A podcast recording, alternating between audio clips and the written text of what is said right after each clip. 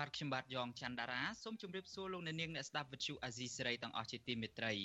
បាទខ្ញុំបាទសូមជូនកម្មវិធីផ្សាយសម្រាប់យប់ថ្ងៃសុក្រ12កើតខែកដិកឆ្នាំថោះបញ្ញស័កពុទ្ធសករាជ2567ដែលត្រូវនឹងថ្ងៃទី24ខែវិច្ឆិកាគ្រិស្តសករាជ2023បាទជាដំបូងនេះសូមអញ្ជើញអស់លោកអ្នកនាងស្ដាប់ព័ត៌មានប្រចាំថ្ងៃដែលមានមេត្តាដូចតទៅ លោកសំរងស៊ីថាជីវភាពរបស់ប្រជាពលរដ្ឋនិងស្ថានភាពសិទ្ធិមនុស្សធ្លាក់ចុះកាន់តែធ្ងន់ធ្ងរក្រោយលោកហ៊ុនម៉ាណែតឡើងកាន់តំណែងក្រុមប្រឹក្សាឃុំគណៈបកភ្លើងទៀននៅខេត្តពោធិ៍សាត់ចោទសមត្ថកិច្ចថាក៏ហៅពួកគាត់ទៅសាកសួរដើម្បីបំបាក់ស្មារតីគណៈកម្មការអឺរ៉ុបថាកម្ពុជាត្រូវតែគោរពសិទ្ធិមនុស្សទើបអាចទទួលបានការអនុគ្រោះពន្ធ EBA ពេញលេញឡើងវិញ បាទនៅក្នុងនីតិវេទិកាអ្នកស្ដាប់វិទ្យុអាស៊ីសេរីនៅយប់នេះយើងនឹងជជែកពិភាក្សាថាតើរដ្ឋាភិបាលថ្មីសម្រាប់បានសមិទ្ធផលអ្វីខ្លះនៅក្នុងការកាន់តំណែងរយៈពេល3ខែកន្លងទៅនេះបាទរួមនឹងព័ត៌មានសំខាន់សំខាន់មួយចំនួនទៀតបាទជាបន្តទៅទៀតនេះខ្ញុំបាទយ៉ងច័ន្ទដារាសូមជូនព័ត៌មានទាំងនេះពឺស្ដាប់ បាទលោកអ្នកនាងជាទីមេត្រីព័ត៌មានដំបូងនៃកម្មវិធីរបស់យើងនៅពេលនេះគឺតាក់ទងទៅនឹងសារនយោបាយរបស់លោកសំរងស៊ីអំពីការកាន់តំណែងរបស់លោកហ៊ុនម៉ាណែតក្នុងរយៈពេល3ខែនេះបាទប្រធានស្ដីទីគណៈបកសង្គ្រោះជាតិលោកសំរងស៊ីអះអាងថារយៈពេលជិត100ថ្ងៃដែលលោកហ៊ុនម៉ាណែតឡើងកាន់តំណែងជានាយករដ្ឋមន្ត្រីជំនួសឲ្យលោកហ៊ុនសែនដែលជាឪពុកនោះមិនបានធ្វើឲ្យជីវភាពរបស់ប្រជាពលរដ្ឋប្រសើរឡើងនោះទេ គណៈអង្គើអយុធធរក្នុងសង្គមការគម្រាមកំហែងផ្នែកនយោបាយនិងសេដ្ឋកិច្ចកាន់តែធ្លាក់ចុះទៅវិញបាទកញ្ញាខណ្ឌលក្ខណារាយការណ៍ព័ត៌មាននេះពឹស្ដាជូនលោកអ្នកនាងប្រធានស្ដីទីគណៈបកសង្គ្រោះជាតិលោកសំរងស៊ីថ្លែងថាប្រជារាស្ត្រគួរនាំគ្នាកាន់ទុកក្រោយពីលោកហ៊ុនម៉ាណែតឡើងកាន់តំណែងនាយករដ្ឋមន្ត្រីជំនួសឪពុកពីព្រោះជិត100ថ្ងៃដែលលោកកាន់តំណែងនេះជីវភាពរស់នៅរបស់ពលរដ្ឋអយុត្តិធម៌សង្គម និងបញ្ហាសេដ្ឋកិច្ចរួមទាំងការគម្រាមកំហែងលើអ្នកនយោបាយកាន់តែអាក្រក់ទៅលោកសំរងស៊ីបានសរសេរលើ Facebook របស់លោក នៅថ្ងៃទី24វិច្ឆិកាថា នៅសល់ប៉ុន្មានថ្ងៃទៀតរបបទីក្រុងភ្នំពេញនឹងធ្វើបុណ្យគម្រប់ខួប100ថ្ងៃតាំងពីលោកហ៊ុនម៉ាណែតឡើងកាន់តំណែងជានាយករដ្ឋមន្ត្រីជំនួសឪពុករបស់គាត់កាលពីថ្ងៃទី22សីហាឆ្នាំ2023លោកសំរៀងស៊ីបន្តថា គ្មានអ្វីគួរឲ្យអបអរសាទរទេ ប្រជារាស្ត្រខ្មែរគួរតែនាំគ្នាកាន់ទុកទៅវិញ ពីព្រោះលោកសង្កេតឃើញថា តាំងពីលោកហ៊ុនម៉ាណែតឡើងមកកាន់តំណែងអយុត្តិធម៌សង្គមកាន់តែធ្ងន់ធ្ងរហើយជីវភាពរស់នៅរបស់ប្រជារាស្ត្រតូចតាចកាន់តែលំបាកទៅ ចំពោះវិស័យនយោបាយវិញមេដឹកនាំបកប្រឆាំងរូបនេះអះអាងថាពុំមានភាពប្រសើរឡើយដោយសារថា មានអ្នកទោសនយោបាយកាន់តែច្រើនឡើង ការគម្រាមកំហែងកាន់តែខ្លាំងឡើង ហើយអំណាចផ្ដាច់ការកាន់តែអាក្រក់ទៅរីឯក្នុងវិស័យសេដ្ឋកិច្ចនិងសង្គមគិច្ចវិញលោកមើលឃើញថាការបំផ្លាញជាតិដូចជាការកាប់បំផ្លាញព្រៃឈើនៅតែបន្តការលក់ទ្រព្យសម្បត្តិជាតិទ្រព្យសម្បត្តិរដ្ឋនិងទ្រព្យសម្បត្តិរាជឲ្យទៅក្រុមហ៊ុននិងជនបរទេសមានកាន់តែច្រើនឡើងលើសពីនេះលោកសំរងស៊ីក៏បង្ហាញការហួសចិត្តដែរ ចំពោះរឿងពន្ធដារដែលជំរិតពីប្រជាពលរដ្ឋកាន់តែធ្ងន់ធ្ងរទៅ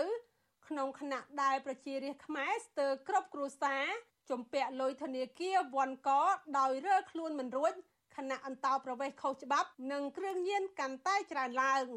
ការលើកឡើងរបស់លោកសំរងស៊ីនេះស្របពេលដែលក្រុមអ្នកនាំពាក្យរដ្ឋាភិបាល បាននាំគ្នាធ្វើសន្និសីទសារព័ត៌មាន ដោយអបអរសាទរ និងអួតពីជោគជ័យនៃការដឹកនាំរយៈពេល90ថ្ងៃរបស់លោកហ៊ុនម៉ាណែតថាហួសពីការរំពឹងទុក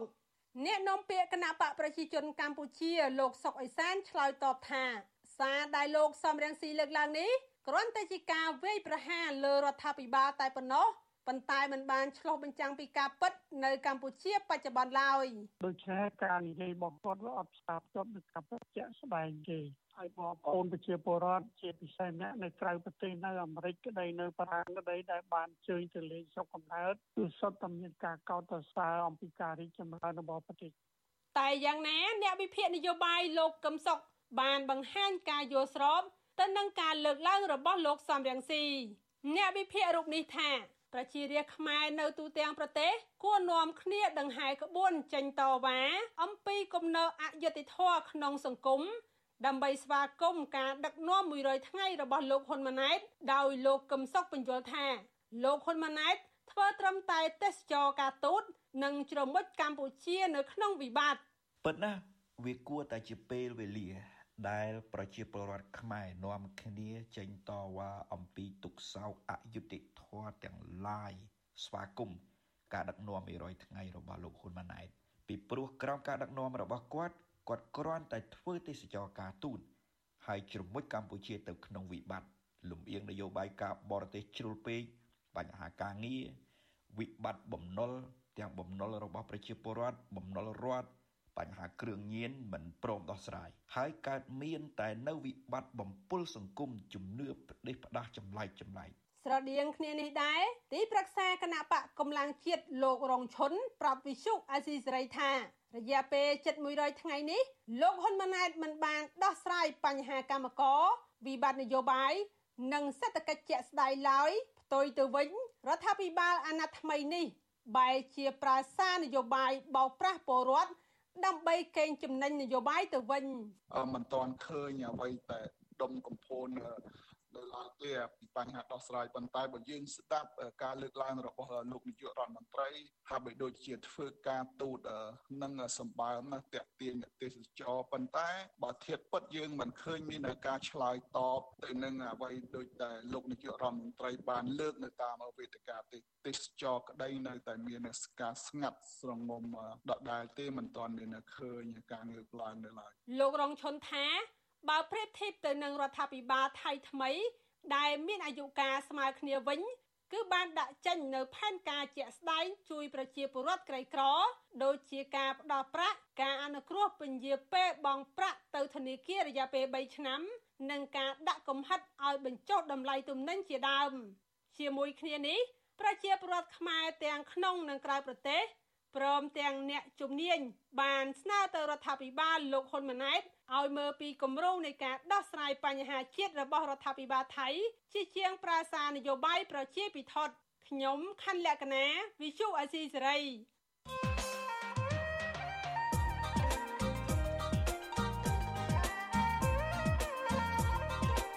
បាទលោកនាងជាទីមេត្រី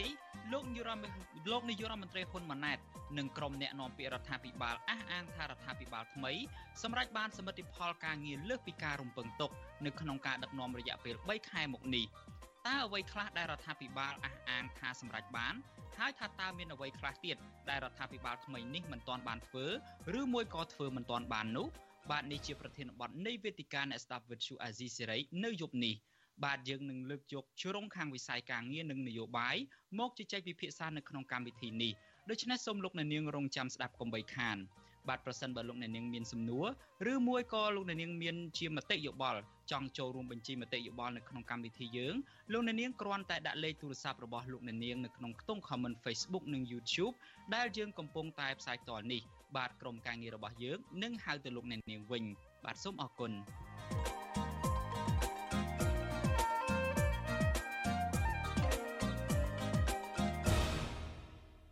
បាទលោកនាងជាទីមេត្រីព័ត៌មានថ្មីចុងក្រោយមួយដែលយើងទើបតែទទួលបាននោះគឺតាក់ទងទៅនឹងប្រព័ន្ធអនុគ្រោះពន្ធ EBA ពីសហភាពអឺរ៉ុបបាទគណៈកម្មការអឺរ៉ុបបានប្រាប់ឲ្យរដ្ឋាភិបាលកម្ពុជាអនុវត្តឲ្យឃើញជាក់ស្ដែងពីការស្ដារលទ្ធិប្រជាធិបតេយ្យនិងការគោរពសិទ្ធិមនុស្សដើម្បីទទួលបានការអនុគ្រោះពន្ធ EBA ពេញលេញឡើងវិញខណៈការដក EBA 20%នោះ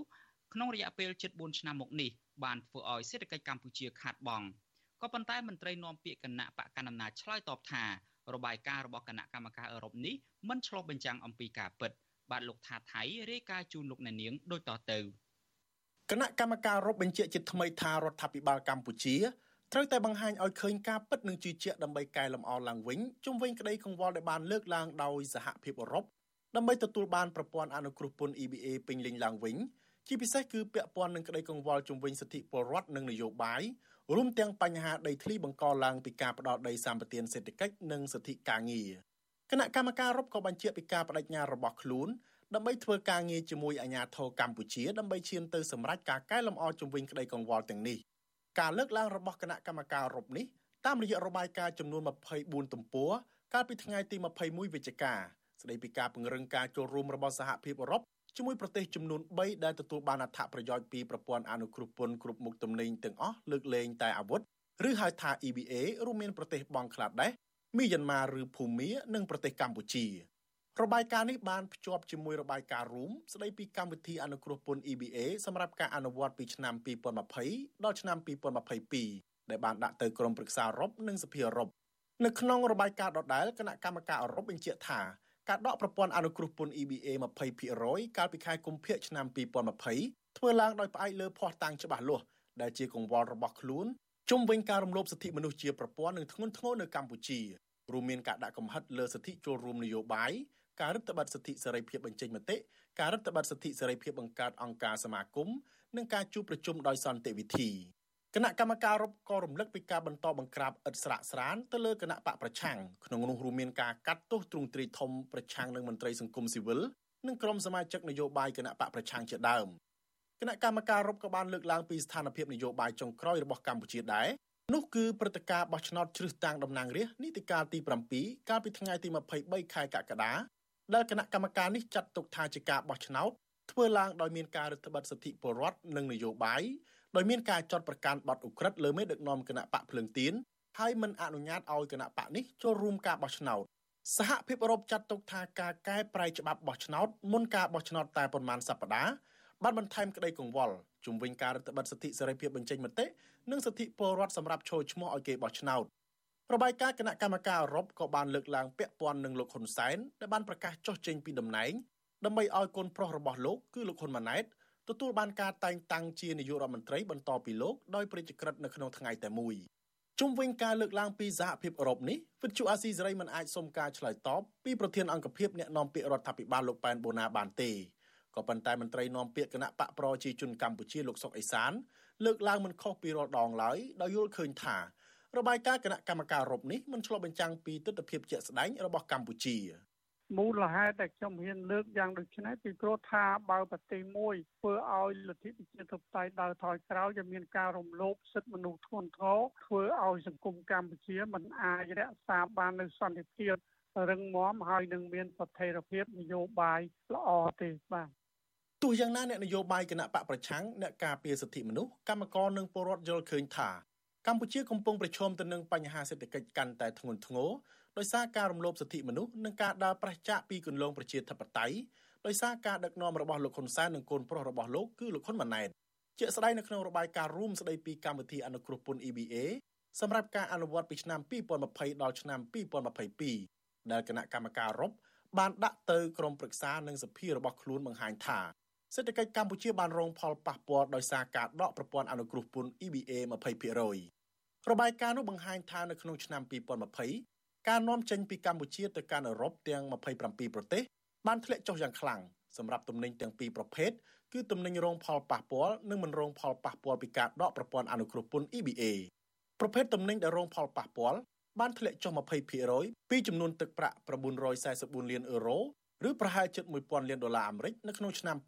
2019មកនៅត្រឹមជាង752លានអឺរ៉ូឬប្រហែលជិត800លានដុល្លារអាមេរិក ខណៈប្រភេទផលិតផលដែលមិនរងផលប៉ះពាល់ពី EBA បានធ្លាក់ចុះ22%គឺពីទំហំទឹកប្រាក់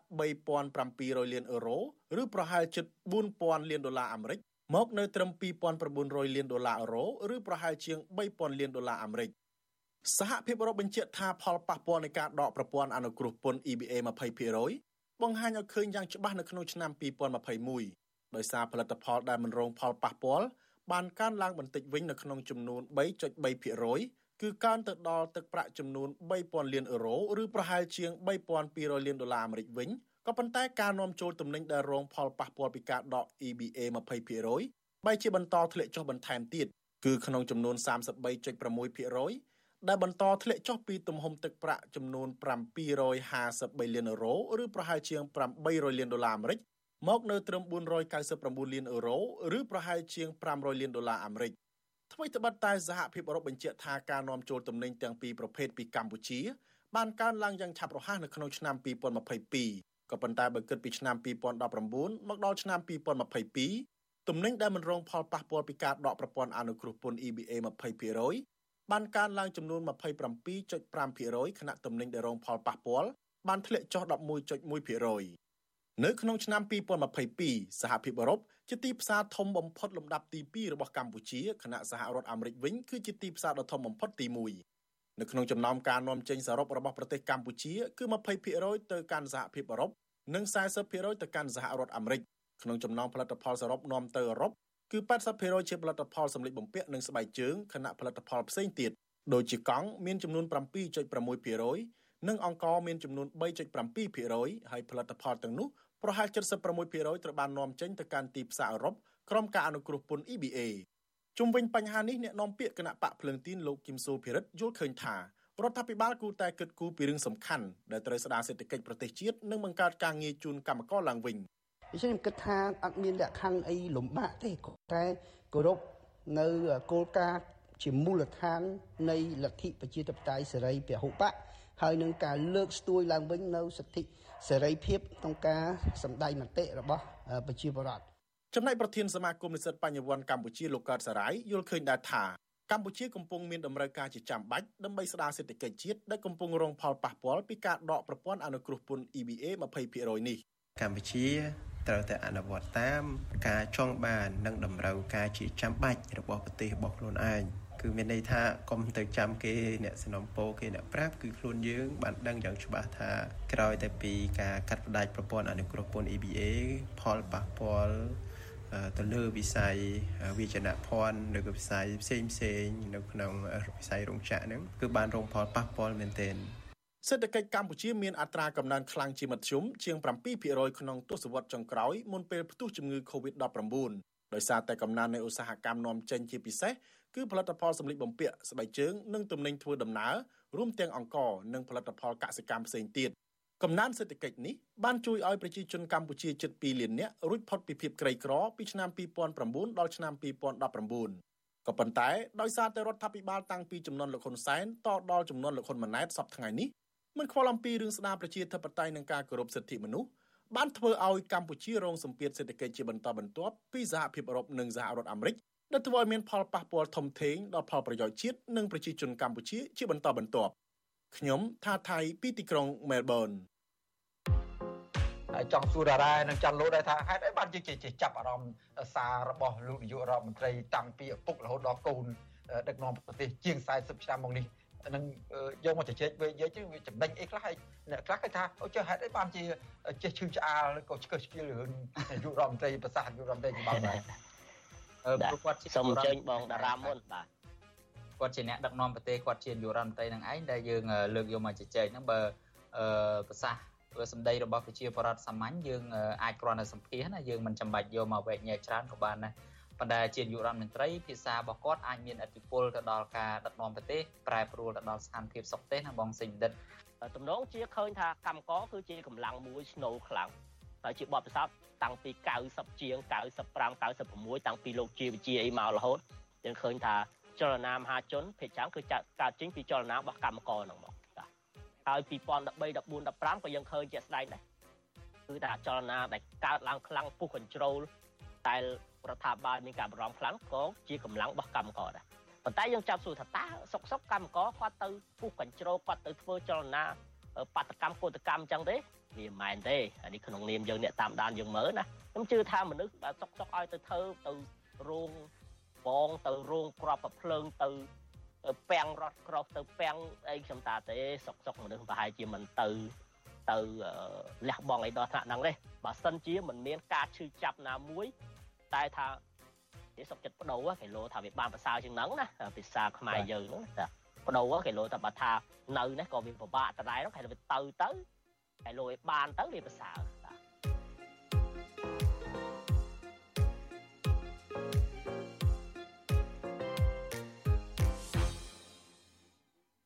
បាទលោកអ្នកនាងជាទីមេត្រីដូច្នេះសូមលោកអ្នកនាងរងចាំស្ដាប់កម្មវិធី podcast កម្ពុជាសប្តាហ៍នេះនៅ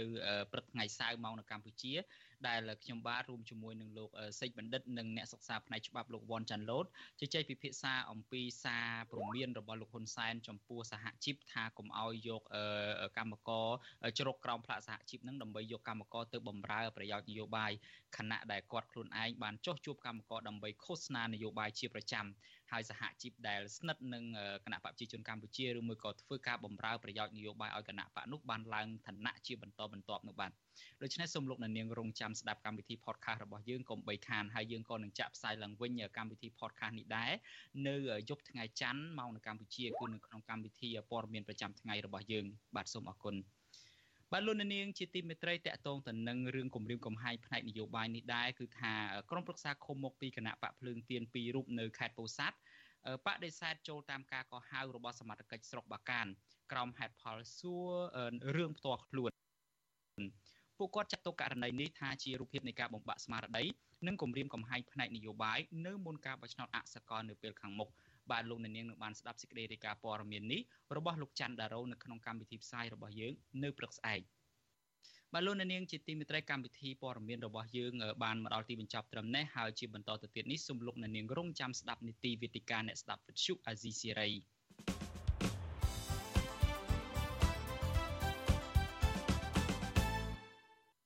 បាទលោកនាងជាទីមេត្រីកម្មវិធីបន្តទៅទៀតនេះគឺជានីតិវិទ្យាអ្នកស្ដាប់វិទ្យុអាស៊ីសេរី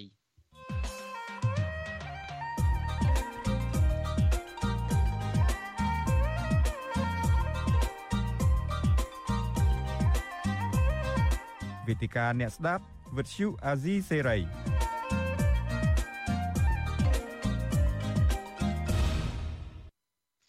បាទខ្ញុំបាទយ៉ងច័ន្ទតារាសូមជម្រាបសួរលោកអ្នកនាងកញ្ញាជាថ្មីម្ដងទៀតដែលកំពុងតែតាមដានកម្មវិធីផ្សាយរបស់យើងតាមបណ្ដាញសង្គម Facebook YouTube Telegram និងប្រព័ន្ធរលកធាតុអាកាសខ្លីឬមួយហៅថា Shortwave នោះបាទ កម្មវិធីជាបន្តទៅទៀតនេះគឺជានីតិវេទិកាអ្នកស្ដាប់វិទ្យុអាស៊ីសេរីដែលយើងនឹងជជែកពិភាក្សាអំពីសមិទ្ធផលរយៈពេល3ខែនៃរដ្ឋាភិបាលថ្មីដែលដឹកនាំដោយលោកហ៊ុនម៉ាណែតហើយយើងផ្ដោតជាពិសេសទៅលើរឿងវិស័យនយោបាយនិងវិស័យការងារដោយសារតែវិស័យពីរនេះគឺជាអ្វីមួយដែលលោកនាយរដ្ឋមន្ត្រីថ្មីគឺលោកហ៊ុនម៉ាណែតសកម្មខ្លាំងនៅក្នុងកិច្ចការងាររបស់គាត់នោះបាទ ហើយយើងមានវាគ្មិនពីររូបដែលអញ្ជើញចូលរួមជាមួយយើងនៅពេលនេះទីមួយគឺមានលោកសុនឆៃដែលជាអនុប្រធានគណៈបកភ្លើងទៀនហើយក៏ជាអតីតតំណាងរាជគណៈបកសង្គ្រោះជាតិដែរលោកសុនឆៃដោយលោកនាងបានដឹងហើយគាត់ជាអ្នកនយោបាយចាស់ភាសាមួយរូបដែលបានតស៊ូនៅលើឆាកនយោបាយកម្ពុជានឹងអស់រយៈពេលប្រហែលជា3ទសវត្សរ៍មកហើយហើយវាគ្មិនមួយរូបទៀតគឺជាប្រធានសហជីពដ៏ល្បីល្បាញគឺលោកអាត់ថុនដែលជាប្រធានសហភាពការងារកម្ពុជាខ្ញុំបាទសូមជម្រាបសួរវាគ្មិនទាំងពីរពីចម្ងាយផងបាទ បាទជំរាបសួរ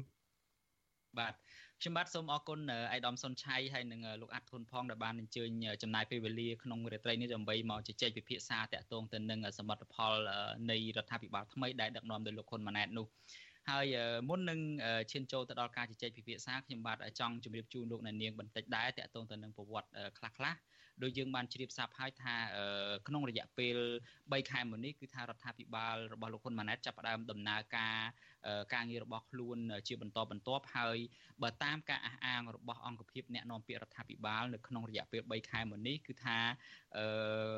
រដ្ឋាភិបាលថ្មីគឺសម្រេចបាននៅលទ្ធផលការងារនឹងហួសពីការរំពឹងទុកនេះបើតាមការអះអាងរបស់លោកប៉ែនប៊ុនណាដែលជា ប្រធានអង្គភាពអ្នកនាំពាក្យរដ្ឋាភិបាលនោះហើយលទ្ធផលការងារហួសពីការរំពឹងទុកដែលគាត់បានលើកឡើងហ្នឹងគឺមានជាអាច ការធានានៅសុខសន្តិភាព ការដាក់ចេញនូវគោលនយោបាយយុទ្ធសាស្ត្របញ្ចកោណការបង្កើតអាជ្ញាធរជាតិដោះស្រាយវិវាទក្រៅប្រព័ន្ធតុលាការការចោះជួបកម្មករហើយនឹងការជួបជាមួយនឹងវិស័យឯកជនជាដើមយើងមានសម្រងសម្ដីមួយរបស់លោកប៉ែនបូណាមុនពេលដែលខ្ញុំសាកសួរទៅកាន់វិក្កាមយើងទាំងពីរដូច្នេះសូមលោកអ្នកនាងស្ដាប់និងទស្សនាដូចតទៅបាទយើងសង្កេតឃើញថាកន្លងទៅនេះនៅពេលដែលមានការផ្លាស់ប្ដូរមីដឹកនាំប្រទេសយើងឆ្លងកាត់អីខ្លះ ណាសង្គ្រាមបែកបាក់ភាពវឹកវរក៏ប៉ុន្តែការផ្លាស់ប្ដូរមេដឹកនាំនៅអាណត្តិទី7នេះគឺជាការផ្លាស់ប្ដូរប្រកបដោយសុខសន្តិភាពជាទីបំផុតបាន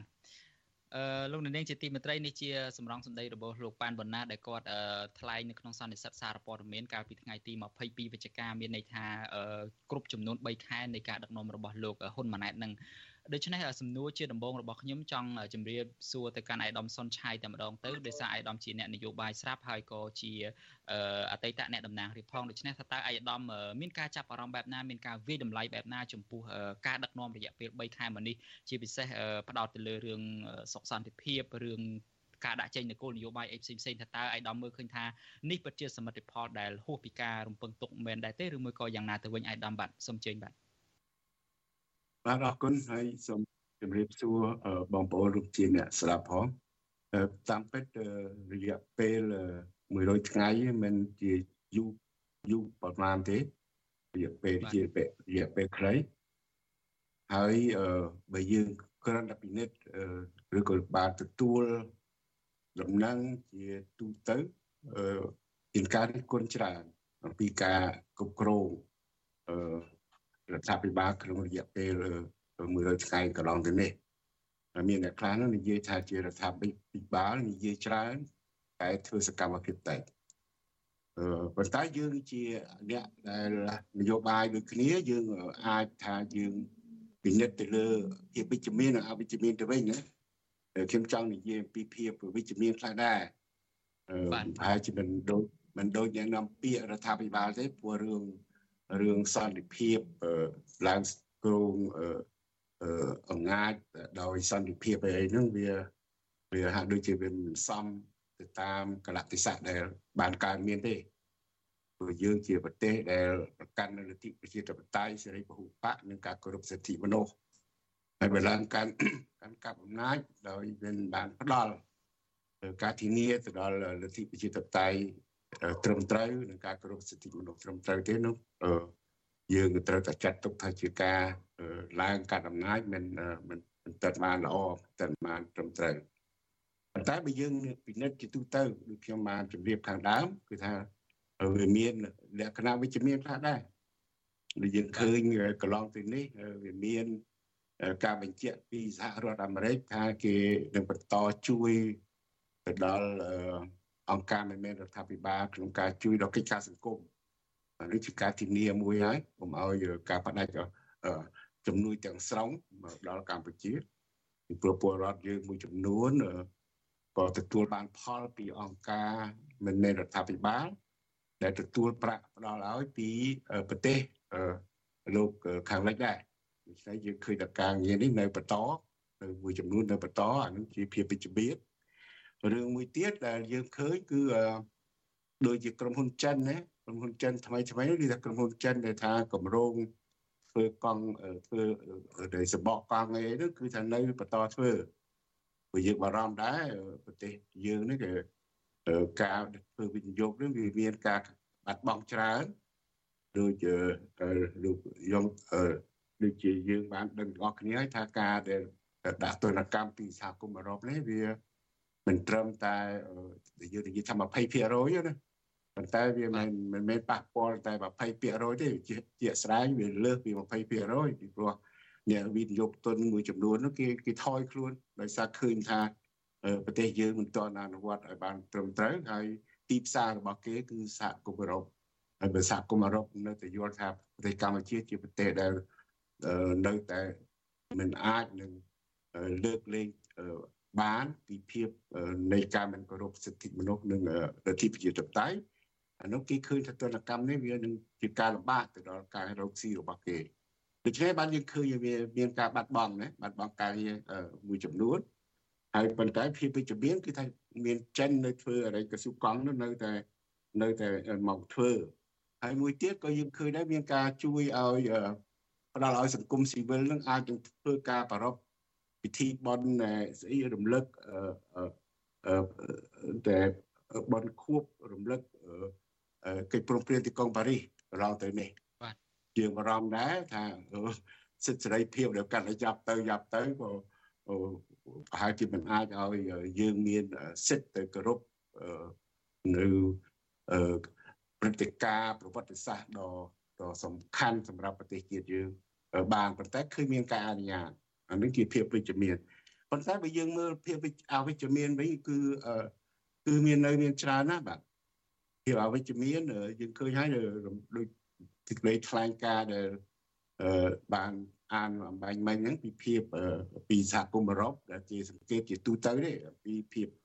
នៃការប្រព្រឹត្តនៃការគ្រប់គ្រងក្នុងប្រទេសជាតិយើងដែលมัน មានបានកែលម្អហើយថែមទាំងយ៉ាប់ទៅទៀតលើវិស័យគោរពសិទ្ធិមនុស្សនិងលទ្ធិប្រជាធិបតេយ្យអានឹងគឺជាបញ្ហាដែលដែលដែលដែលនៅតែលំបាកហើយក្រៅពីនឹងយើងឃើញថាការអនុវត្តនៅការងារមួយចំនួនទៀតពាក់ព័ន្ធទៅនឹងការជួយទៅដល់ពលរដ្ឋនៅក្នុងជីវភាពរស់នៅក៏អត់បានដោះស្រាយបញ្ហាគឺធ្វើឲ្យការប្រមូលពន្ធមិន មិនសមធម៌គឺធ្វើឲ្យពលរដ្ឋមួយចំនួនរងរងការលំបាកដោយសារតែការគ្រប់គ្រងមិនបានត្រឹមត្រូវហើយរដ្ឋត្រូវការថវិកាដោយសារចំណាយបំផោងយើងឃើញហើយទីប្រឹក្សារដ្ឋាភិបាលរាប់ពាន់នាក់ឥឡូវបង្កើតស្អីក្រុមប្រឹក្សាឧត្តមក្រុមប្រឹក្សារដ្ឋាភិបាលនោះយកគណៈបកតូចតូចនោះ20 30នោះទៅទៅផ្ដល់ឋានៈហើយនឹងលុយកាក់អីថែមទៀត នៅពេលដែលប្រទេសជាតិយើងមានការលំបាកណាក្នុងការរកថវិកាដោះស្រាយការចំណាយពួកខ្ញុំធ្លាប់ធ្វើការនៅសភាខ្ញុំធ្លាប់តាមដាននៅថវិកាជាតិថវិកាជាតិនោះលើកនេះមានការលំបាកខ្លាំងមែនទែនទៅតាមខ្ញុំដឹង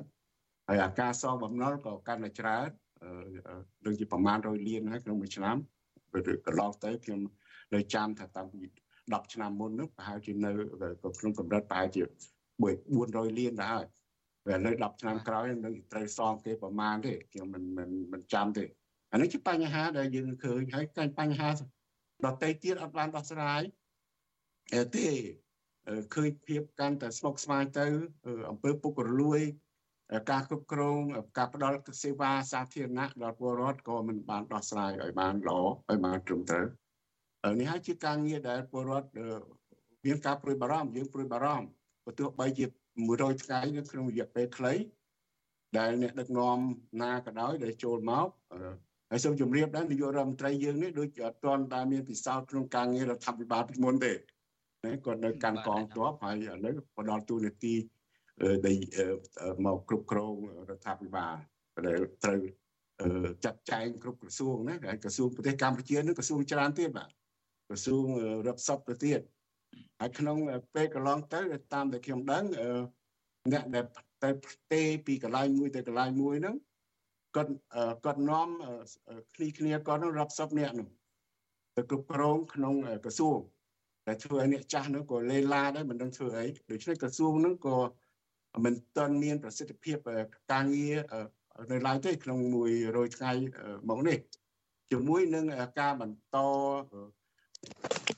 មិនត្រឹមតែមិនត្រឹមតែដោះស្រាយបញ្ហាដែលពាក់ព័ន្ធទៅនឹង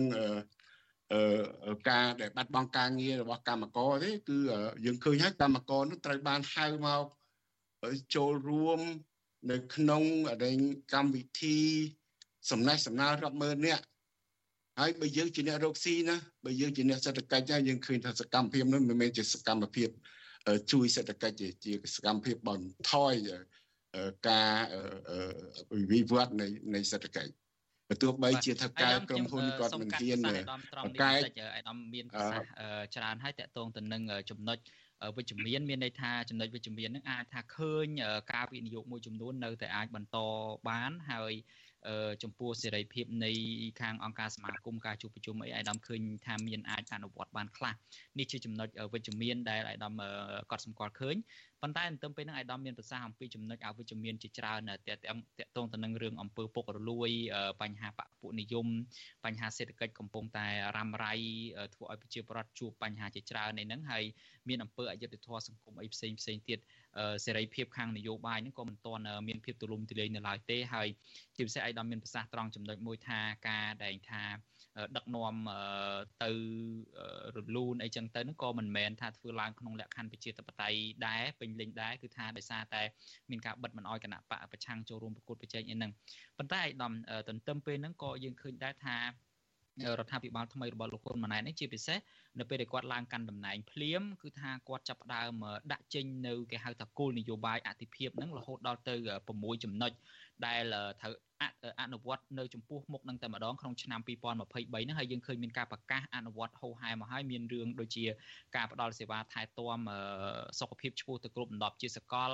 មានដូចជាការបណ្ដុះបណ្ដាលជំនាញវិជ្ជាជីវៈការពង្រឹងកម្មវិធីជំនួយសង្គមអីផ្សេងផ្សេងហើយមានយុទ្ធសាស្ត្រជាតិអភិវឌ្ឍសេដ្ឋកិច្ចក្រៅប្រព័ន្ធនេះផងជាពិសេសហ្នឹងគឺរឿងកសិកម្មនេះក៏គាត់ដាក់បញ្ចូលក្នុងជាលក្ខណៈថា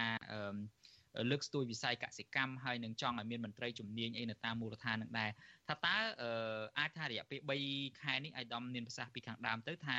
វារយៈពេលខ្លីដែរទេអញ្ចឹងជាចំណុចបន្តទៀតនឹងអាយដាមគិតថាគោលនយោបាយអីទាំងឡាយដែលគាត់ដាក់ចេញចាប់ផ្ដើមនៅពេលនេះតើតើអាចអនុវត្តទៅបានឬមួយក៏អាចនឹងមានភាពល្អប្រសើរដែរទេអាយដាមចំពោះមុខនេះបាទ មកខ្ញុំដូចបានជម្រាបខាងដើមទីថានិយាយច្រើនតែធ្វើធ្វើតិចឬក៏មិនមិនមិនបានអនុវត្តហើយគោលនយោបាយនេះមិនមិនអាក្រក់ទេបាទជាគោលនយោបាយដែលអាចនឹងជួយបន្តអឺបាទអាយដាមបន្តអាចនឹងជួយដោះស្រាយបញ្ហាបានមួយមួយចំនួនដែរអឺ ក៏ប៉ុន្តែយើងដឹងហើយថានៅក្នុងកលៈទេសៈដែលប្រទេសជាតិយើងកំពុងតែរងកម្បានេះវាជាការចាំបាច់ណាស់ដែលការអនុវត្តលើគោលនយោបាយទាំងអស់នោះត្រូវតែបាន បានចេញជាផ្លែផ្លែផ្កាឲ្យបានឆាប់មិនអាចគ្រាន់តែនិយាយហើយចោលហើយទុកឲ្យស្ថាប័នដែលមិនមានប្រសិទ្ធភាពនោះធ្វើប្រងើយកន្តើយទេ គឺត្រូវតែមានសកម្មភាពខ្ញុំជួនជម្រាបខ្លីៗទេរឿងការដែលបានបញ្ជាក់ពីនយោបាយបញ្ចកោណអីដែលបានលើកឡើងនេះយើងបញ្ហាសង្គមរបស់យើងបញ្ហាដោះស្រាយជួយទៅដល់ពលរដ្ឋដែលក្រលំបាកហ្នឹងគឺយើងមិនទាន់ឃើញថាពលរដ្ឋនោះបានទទួលផលនេះនៅឡើយទេបើទោះបីជាក ន្លងទៅការជួយទៅដល់អ្នកក្រីក្រក្នុងវិស័យសុខាភិបាលជួយព្យាបាលជំងឺពលក្រីក្រដែលជាជំនួយមនុស្សធម៌ពីអង្គការរបស់សហគមន៍អន្តរជាតិដូចជាដើមហ្នឹងក៏មានភាពស្មុគស្មាញដែរ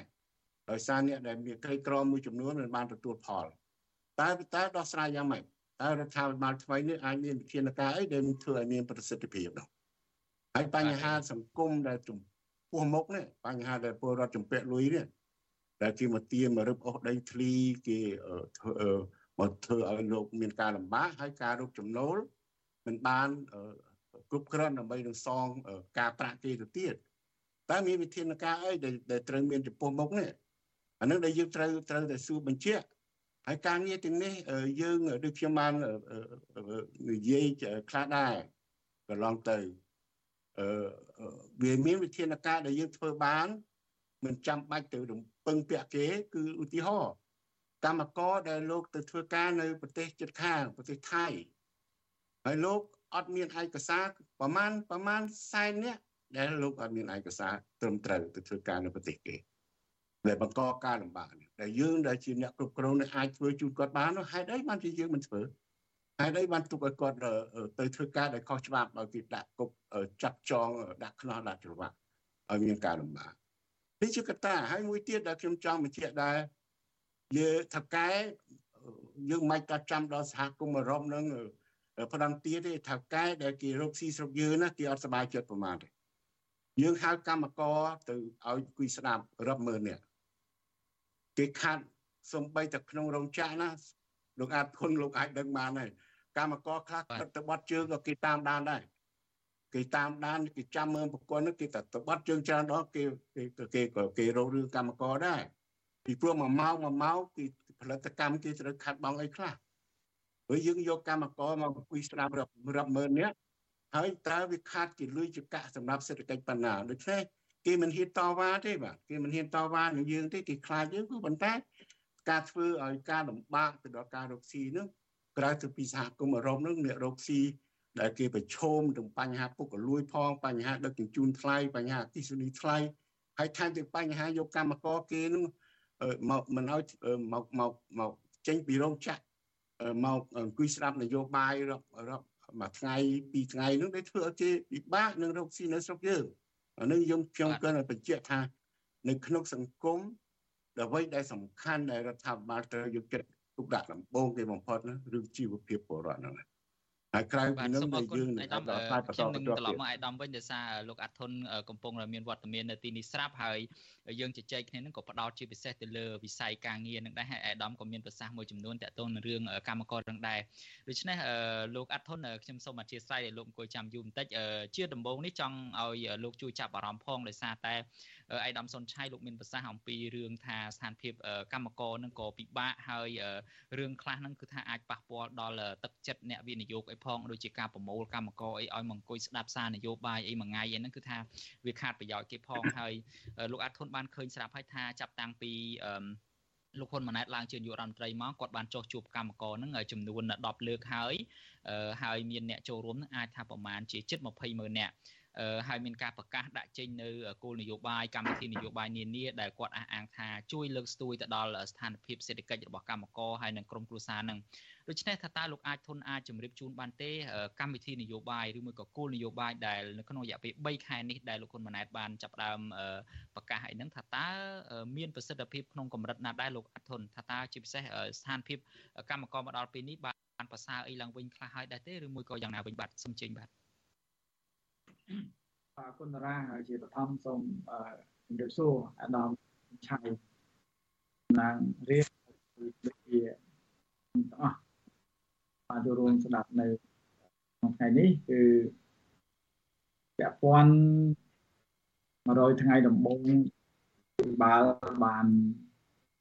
ដាក់ចេញនៅគោលនយោបាយមួយចំនួននោះខ្ញុំស្ដាប់អាដាមសំឆៃបានលើកឡើងមួយចំនួនដូចជាលោកតារាលើក ឡើងមួយចំនួន គឺវាហាក់បីដូចជាស្តៀងទៅនឹងអ្វីដែលខ្ញុំមើលឃើញផងដែរបាទហើយជាជាទូទៅខ្ញុំផ្ទាល់ខ្ញុំយល់ឃើញថារដ្ឋាភិបាលថ្មី គឺយើងឃើញថាដូចជាមានការផ្លាស់ប្ដូរច្រើនទៅលើយុវជនអាចថាជាកូនជាជាយុវជនយើងឃើញថានឹងមានការផ្លាស់ប្ដូរមួយប៉ុន្តែគាត់ថាជំនាញគ្រប់គ្រងនយោបាយដូចបាទ ហើយទី2ពាក់ព័ន្ធទៅនឹងគោលនយោបាយផ្សេងផ្សេងក៏ឃើញដាក់ចេញច្រើនដែរហើយជាពិសេសគឺគេហៅថាយុទ្ធសាស្ត្របញ្ញកោនដែលរដ្ឋាភិបាលបានដាក់នៅក្នុងហ្នឹងក៏វាជាយុទ្ធសាស្ត្រថ្មីដែរហើយហើយយើងបានឃើញទាំងអស់គ្នាពាក់ព័ន្ធទៅនឹងវិស័យការងារដូចជាមានការសន្យានឹងការដាក់ចេញនៅគោលនយោបាយច្រើនហើយសួរថា តើដាក់ចេញគោលនយោបាយហ្នឹងតើវាវាបានអនុវត្តនៅមានប្រសិទ្ធភាពនៅចម្លើយថាវាទើបតែដាក់ចេញទេគឺមានន័យថាលទ្ធផលយ៉ាងម៉េចយើងអត់ទាន់បានដឹងទេប៉ុន្តែជាក់ស្ដែងគឺយើងទទួលស្គាល់ថាមានដាក់ចេញដូចជាពាក់ព័ន្ធទៅនឹងការបដិបដាជំនាញវិជ្ជាជីវៈ1លាន5សែននាក់សម្រាប់កម្មករឲ្យមានជំនាញច្រើនជាងមុនអាហ្នឹងគឺជារឿងសំខាន់ហើយចំគោលដៅដែលយើងចង់ឲ្យកម្មករមានជំនាញដែលអាចចាប់យក ទីផ្សារការងារដែលមានប្រាក់ចំណូលខ្ពស់ហើយក៏ដូចជារឿងការរៀបចំឲ្យមានការថែទាំសុខភាពជាពិសេសថ្មីថ្មីនេះគឺថាបុគ្គលស្វ័យនយោជដែលដែលជាកម្មករយោជិតអាចថាជាកម្មករមិនផ្លូវការហ្នឹងគឺថាត្រូវបានដាក់ឲ្យអនុវត្តនៅរបបថែទាំសុខភាពផងដែរហើយយើងក៏ឃើញមាន ការដាក់ចេញនៅគោលការណ៍មួយចំនួនសម្រាប់ជួយទៅដល់ខាងនយោជកដែរដូចជារឿងការចុះត្រួតពិនិត្យនៅតាមរោងចក្រសហគ្រាសហ្នឹងកុំឲ្យមានការជន់គ្នាហើយដូចជាការដឹកមើលឡើងវិញទៅលើ logistic ឬក៏ផុសភារនឹងផ្សេងផ្សេងហើយក៏ដូចជាការរៀបចំឲ្យមានការត្រួតពិនិត្យអីគោលការណ៍មួយចំនួននៅក្នុងវិស័យការងារហើយ យើងអាចថាមើលឃើញពីចំណុចមួយចំនួនអាចនិយាយថាវាដូចជាមានការសន្យាច្រើនថានឹងចង់ឲ្យមានភាសាជារួមគឺពាក់ព័ន្ធដូចជាសុខភាពឬក៏បញ្ហាស្ត្រីឬក៏បញ្ហាសសរកិច្ចព្រមព្រៀងសង្គមផ្សេងផ្សេងឃើញថាមានការសន្យាច្រើនប៉ុន្តែពាក់ព័ន្ធទៅនឹងសិទ្ធិរបស់កម្មករក៏ដូចជាការ កំណត់នឹងអត្ថប្រយោជន៍ផ្សេងៗដូចជា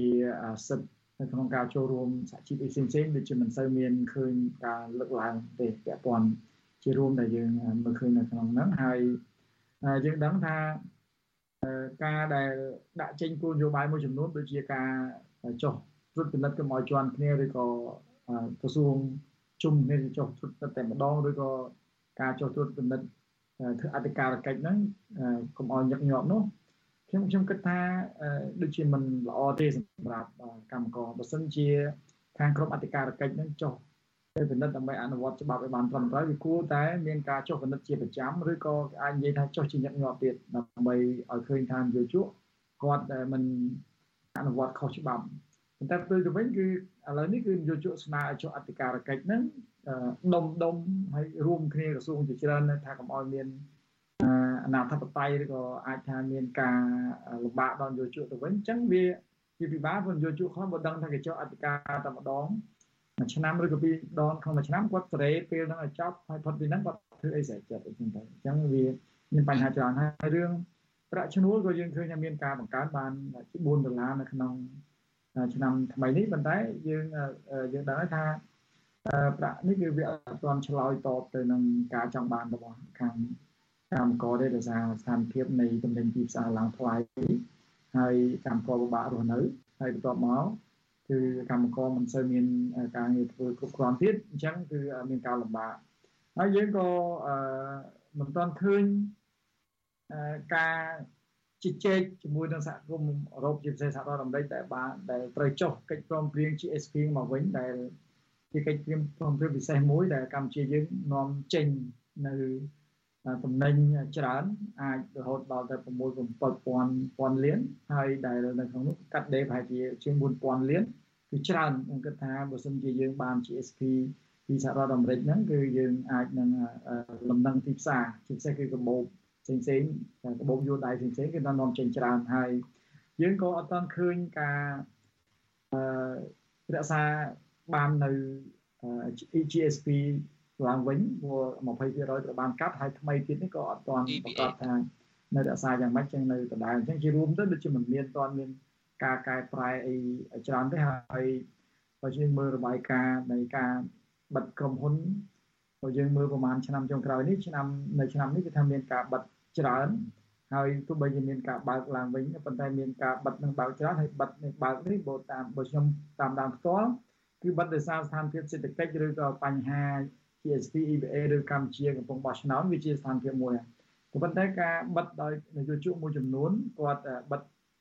ក្រុមហ៊ុននឹងហើយហើយគាត់ទៅបើកក្រុមហ៊ុនថ្មីដែលគាត់មិនអនុវត្តតាមច្បាប់គាត់ចង់ទៅឈប់នៅកម្មករដែលមានអតីតភាពការងារច្រើនដែលមានប្រាក់ចំណូលច្រើនបំបត្តិចោលសហជីពដែលការពារកម្មករឬក៏ក្រុមហ៊ុនខ្លះគាត់មិនទាំងបានបង់ពន្ធ ត្រឹមត្រូវអញ្ចឹងទៅគាត់លុបមួយគាត់ទៅបើកក្រុមហ៊ុនថ្មីគាត់ចំណេញអានឹងជាដើមអញ្ចឹងអានឹងគឺយើងឃើញអត់ទាន់អាចបានដោះស្រាយនៅបញ្ហានោះទេហើយរឿងដែលបិទក្រុមហ៊ុនច្រើនហ្នឹងដែលតាមរយៈការមិនអោយនយោជកធ្វើតាមនីតិច្បាប់ចេះតែអនុគ្រោះនោះធ្វើឲ្យកម្មករយុជិតបាត់បង់ការងារចឹងបានបោកប្រាក់ចំណូលឧទាហរណ៍ថាគាត់ត្រូវបានអឺក្រុមហ៊ុនបញ្ឈប់បើតាមច្បាប់គាត់ត្រូវបាន5ចំណុចនៃនៃប្រាក់អ តីតភាពការងារនិងប្រាក់ផ្សេងផ្សេងប៉ុន្តែនៅពេលដែលអនុញ្ញាតឲ្យគាត់ធ្វើអីស្រេចចិត្តគាត់ឲ្យតែ2ទៅ3ចំណុចហើយគាត់អត់យកអីវ៉ាន់ទៅដាក់ក្រុមហ៊ុនផ្សេងហើយបន្ទាប់មកកម្មករយើងត្រូវបានគេបញ្ឈប់អត់បានលុយដល់លុយដែលគាត់ត្រូវបានហ្នឹងគឺអាចថាក្រុមហ៊ុនទៅជះទៅទៅដល់អ្នកដែលជួយរៀបចំឯកសារឬក៏អាចថាជាអំពើគប់ខិតអីផ្សេងៗហ្នឹងអញ្ចឹងជាបញ្ហាច្រើនធ្វើឲ្យកម្មករ អ្នកដែលមិនត្រូវបាត់បង់ក៏បាត់បង់ការងារហើយក្រុមហ៊ុនដែលមិនត្រូវព្យួរក៏ត្រូវព្យួរអញ្ចឹងទៅមានមានបញ្ហាច្រើននៅកន្លែងហ្នឹងអញ្ចឹងជារួមគឺយើងមិនទាន់ឃើញមានសូមកាត់លោកប្រសាសន៍ការវិវត្តអីច្រើនទេតាមការសង្កេតកន្លងមកហ្នឹងដោយលោកអាធនមានប្រសាសន៍អញ្ចឹងថាអឺ កម្មករនឹងចង់ឬមិនចង់គាត់នៅពេលដែលគាត់បាត់បង់អត្ថប្រយោជន៍គាត់ទៅបានបញ្ឈប់ពីការងារឬមួយក៏ព្យួរការងារអីហ្នឹងយើងឃើញថារដ្ឋាភិបាលការអន្តរាគមន៍ហ្នឹងហាក់ដូចជាទុនខ្សោយមែនទែនតិចតួចមែនទែនដូចជាមិនពិបាកនៅក្នុងការអនុវត្តចាប់បខំឲ្យក្រុមហ៊ុនហ្នឹងអនុវត្តតាមច្បាប់ណាហើយរដ្ឋាភិបាលហាក់ដូចជាព្យាយាមនៅតែយកចិត្តតកែខ្លាំងមែនទែនករណីខ្លះហ្នឹងគឺថាបើកឲ្យសម្របសម្រួលឲ្យតកែហ្នឹងធ្វើអ្វីក៏បានហើយមិនដោះស្រាយជូនកម្មករផងក៏មានហើយដោយសារលោកអាត់ធុនមានប្រសាសន៍អំបញ្ញមិញហ្នឹងក៏ភ្ជាប់ទៅនឹងចំណុចរឿង EBA រឿង GSP ដែរ GSP យើងចាំទាំងអស់គ្នាថានៅចុងអាណត្តិនៃការដឹកនាំរបស់លោកហ៊ុនសែនហ្នឹងគឺ រដ្ឋមន្ត្រីក្រសួងពាណិជ្ជកម្មកម្ពុជាកាលនោះគឺលោកប៉ានសូសាក់នឹងធ្លាប់បានស្នើទៅខាងមន្ត្រីអាមេរិកនឹងដើម្បីឲ្យជួយធ្វើម៉េចជំរុញឲ្យមានការផ្ដល់ GSP នឹងឲ្យកម្ពុជាឡើងវិញបន្តសុពលភាពឡើងវិញក៏ប៉ុន្តែក៏មិនទាន់មានការលើកដំណឹងនៃការផ្ដល់ GSP វិញដែរហើយងាកមករឿង EBA វិញ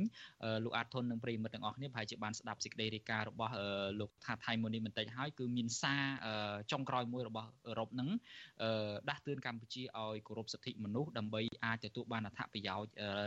នៃប្រព័ន្ធអនុគ្រោះពន្ធ EBA នឹងពេញលេញឡើងវិញខ្ញុំចង់ជូនសំណួរនេះទៅកាន់លោកអាត់ធុនបន្តទៀតដែរថាតើសាររបស់សហភាពអឺរ៉ុបនៅពេលនេះអាចថាជាដំណាក់កាលវិវត្តថ្មីមួយទៀតនៃការដែលកម្ពុជាអាចទទួលបានប្រយោជន៍ឬមួយក៏បន្តបាត់បង់ប្រយោជន៍អីយ៉ាងណាខ្លះទៀតលោកអាត់ធុនបាទចំពោះសាររបស់សហភាពអឺរ៉ុបគណៈកម្មការអឺរ៉ុបនៅពេលនេះបាទខ្ញុំផ្ទាល់ដែលខ្ញុំបានតាមដាននៅក្នុងគឺខ្ញុំបាន អាចនិយាយសន្និដ្ឋានបានថានេះគឺជាសារណែនាំដែលជា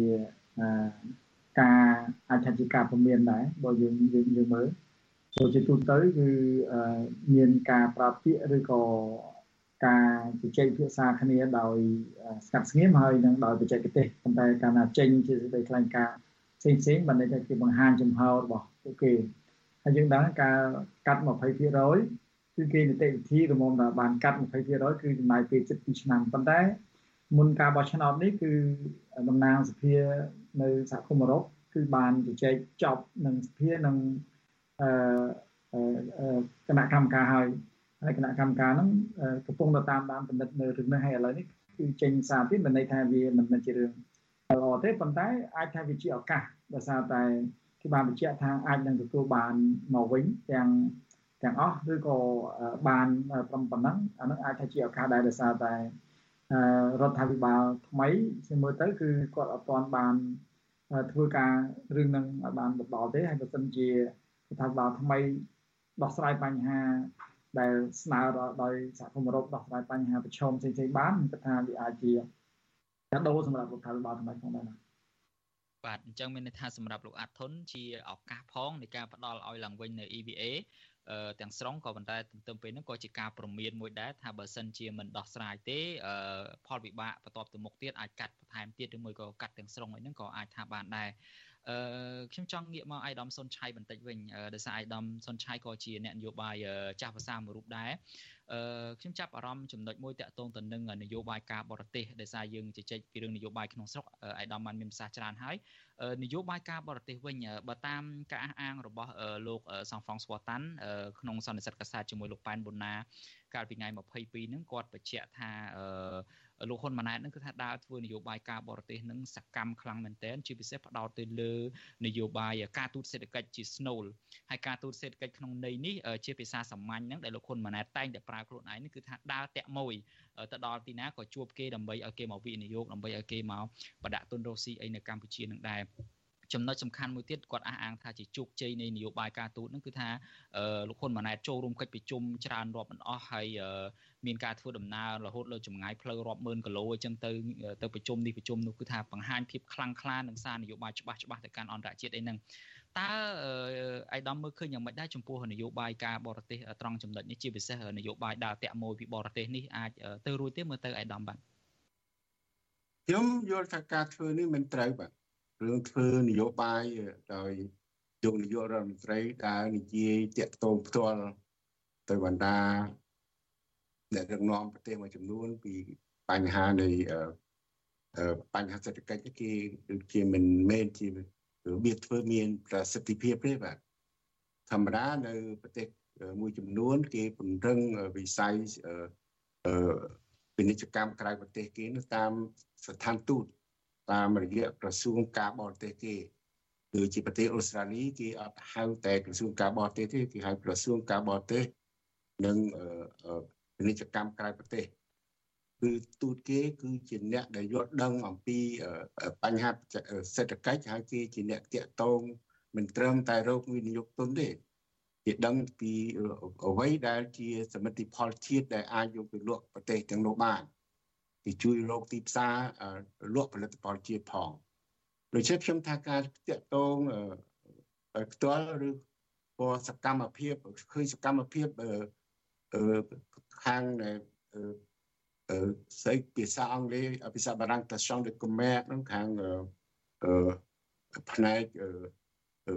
ពាណិជ្ជកម្មឯកជនពាណិជ្ជកម្មដែលតំណាងឲ្យពាណិជ្ជករនៅក្នុងស្រុកហ្នឹងហើយដូចជាមិនទាន់មានសកម្មភាពអីតាក់ទងទៅគេហើយមួយទៀតរឿងបរិយាកាសវិនិយោគនៅកម្ពុជាយើងពិនិត្យជាទូទៅហើយនរណាក៏ត្រូវតែដឹងដែរបញ្ហាវិនិយោគទុនបរិយាកាសដែលធានាទៅដល់ការ ដាក់ទុនផ្ទាល់មកកម្ពុជានេះវាមានកត្តាច្រើនបាទដូចជាយើងដឹងហើយថាប្រហែលឆ្នាំកន្លងទៅនេះថ្មីថ្មីនេះនៅពេលដែលប្រទេសមួយចំនួនគេដករោងចក្រគេចេញពីប្រទេសចិនដោយសារគេមានបញ្ហាជាមួយនឹងប្រទេសមហាអំណាចមួយនេះរោងចក្រជាច្រើនបានមក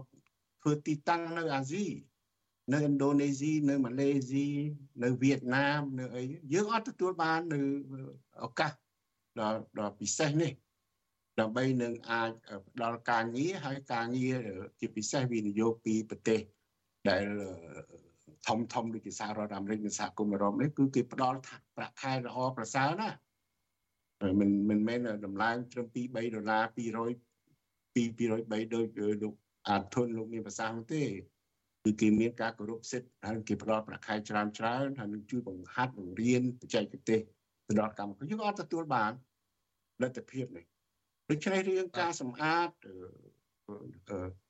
ស្ថាប័ននឹងការរៀបចំពង្រឹងស្ថាប័នឲ្យមានប្រសិទ្ធភាពបំពេញការងារនេះសំខាន់ណាស់ខ្ញុំយើងអត់ឃើញឃើញតែក្នុង100ថ្ងៃនេះរដ្ឋាភិបាលដឹកនាំដោយ នាយករដ្ឋមន្ត្រីថ្មីនេះលោកបានពង្រឹងស្ថាប័នគឺនៅឡើយទេអត់បានពង្រឹងទេឃើញតែនិយាយតែប្រទេសចាប់ប្រាស់មានក្រសួងការងារជាដើមនឹងនិយាយអំពីដូចខ្ញុំបានធ្លាប់និយាយអញ្ចឹងនិយាយអំពីថានៅប្រទេសកម្ពុជាមានអ្នកមានការងារធ្វើជាង99%អីនិយាយឲ្យតែនឹកឃើញនិយាយតែប្រទេសប្រាស់អត់មានការពេទ្យដូច្នេះយើងគឺត្រូវតែពង្រឹងស្ថាប័នត្រូវតែរៀបចំឲ្យ រឿងដែលសំខាន់យើងមិនចង់និយាយដដែលដដែលទេប៉ុន្តែរឿងដែលសំខាន់បំផុតគឺរឿងបញ្ហាពុករលួយបើមិនដោះស្រាយបញ្ហានេះឲ្យបានត្រឹមត្រូវប្រសើរឡើងទេគ្មានអ្នកណាគេយកលុយមកចោលនៅស្រុកខ្មែរដោយសារតែវាដោយដោយសារតែត្រឹមតែមានកម្មករដែលដែលយកប្រាក់ខែថប់ទៀតនោះទេប៉ុន្តែវាមានកត្តាច្រើនទៀតខាង សហជីពគេដឹងច្បាស់ណាស់ពីបញ្ហាត្រូវយកយោបល់ត្រូវយកយោបល់ពីសហជីពហើយត្រូវយកយោបល់អំពីផ្នែកសង្គមស៊ីវិលដែលគេផ្ដល់ឲ្យរដ្ឋាភិបាលនឹងយកទៅស្ដាប់ផងហើយហើយជាពិសេសទៅទៀតបើចង់ដោះស្រាយនេះខ្ញុំជូននឹងជម្រាបឲ្យត្រង់មិនមែនដោយសារតែរឿងគណៈបាភ្លើងទៀនទេណាបើសិនណាជាចង់ឲ្យមានភាពធូរស្រាលជាមួយសហគមន៍អឺរ៉ុបណាផ្ដល់ឲ្យគណៈបាភ្លើងទៀនមានសិទ្ធិទៅបោះឆ្នោតប្រសិទ្ធភាព នៅសប្តាហ៍ក្រោយនេះខ្ញុំនឹងជួបនឹងទូតនៃសហគមន៍អឺរ៉ុបដើម្បីពិគ្រោះគ្នារឿងហ្នឹងព្រោះការការបង្កភាពតានតឹងទៅដល់គណៈបកដែលជាគណៈបកប្រឆាំងនៅក្នុងប្រទេសកម្ពុជាអឺមិនអោយមានលទ្ធភាពបំពេញទូនាទីរបស់ខ្លួននេះមិនមែនមិនមែនខាតតែបងតែប្រជាពលរដ្ឋដែលលោកអត់មានតំណាងជំរឿតំណាងទេ វាខាតទាំងប្រទេសជាតិរឿងការជឿទុកចិត្តដែលគេមកធ្វើនេះវាគួរតែមានតម្លាភាពវាមានភាសាអង់គ្លេសថា check and balance នៅក្នុងការគ្រប់គ្រងវាមានអំណាចតែមួយគ្រប់គ្រងតែឯងធ្វើតាមអំពើចិត្តទេគឺมันអាចនឹងមកមកមកកក់ក្ដៅក្នុងការរកស៊ីនៅកម្ពុជាទេដូច្នេះបាទខ្ញុំរំលឹកឡើងវិញថាយើងនៅតែជែកគណៈបកភ្លើងទៀនមិនមិនមិនមានគំនិតអីទៅហាមឃាត់ឬក៏ឲ្យគេដក នេះដកនោះពីកម្ពុជាទេយើងចង់ឲ្យមានការជួយដល់កម្ពុជាហើយការជួយនេះទៅបានក៏យើងត្រូវតែយល់អំពីអ្វីដែលជាការចូលរួមពីសហគមន៍អឺរ៉ុបពីសហគមន៍ពីសកលពីសកលលោកក្នុងការរកសន្តិភាពឲ្យកម្ពុជាហើយយើងមកព្រមព្រៀងយើងអត់អនុវត្តការងារទាំងអស់នេះមានសម្រាប់ប្រទេសណាសម្រាប់តែពលរដ្ឋខ្មែរតែតែប៉ុណ្ណឹងដូច្នេះខ្ញុំថាសូមឲ្យយើងពិនិត្យឡើងវិញ អំពីអង្គើមិនត្រឹមត្រូវដែលមានកន្លងទៅហើយមកទល់ថ្ងៃនេះអត់ទាន់ឃើញបានធ្វើឲ្យឃើញដែលយើងអាចកក់ក្ដៅបានទេបាទរឿងបញ្ហាជួយទៅដល់សិទ្ធិសេរីភាពនិងនិងលទ្ធិប្រជាធិបតេយ្យហើយរួមទាំងឲ្យចំមែនទែនគឺភាពយុត្តិធម៌ក្នុងសង្គមការយកដីធ្លីដោយក្នុងរបាយការណ៍អញ្ចឹងការយកដីធ្លីពលរដ្ឋនេះជិះចាប់ណាខ្ញុំជឿថាបើសិនណារឿងនេះកើតចំពោះអស់លោកជាមន្ត្រីធំធំទាំងនោះប្រហែលជាលោកជិះចាប់ដូចតែពលរដ្ឋដែល គ្នាលំបាកដូចឆ្នាំដែរដូច្នេះសូមឲ្យធ្វើការយ៉ាងណាដើម្បីជួយទៅដល់បញ្ហាសង្គមហើយគេប្រទេសដែលគេអ្នកមានគេនឹងជួយកម្ពុជាហើយអស់លោកនឹងទទួលបានផលពីពីពីពីសេចក្តីល្អការទទួលខុសត្រូវដែលលោកត្រូវបំពេញសម្រាប់ប្រទេសជាតិនឹងផងដែរបាទ បាទសូមអរគុណអ្នកដំសុនឆៃចំពោះការផ្ដល់អនុសាសន៍ទាំងនេះហើយខ្ញុំបាទអ្នកចង់ជម្រាបជូនលោកនាងថាលោកនាងដែលតាមដានស្ដាប់ការផ្សាយរបស់យើងតាម Visual Short Wave ហ្នឹងគឺយើងនឹងបញ្ចប់ការផ្សាយត្រឹមម៉ោង8កន្លះនេះប៉ុន្តែខ្ញុំសូមបន្តមួយសំណួរទៀតជាមួយលោក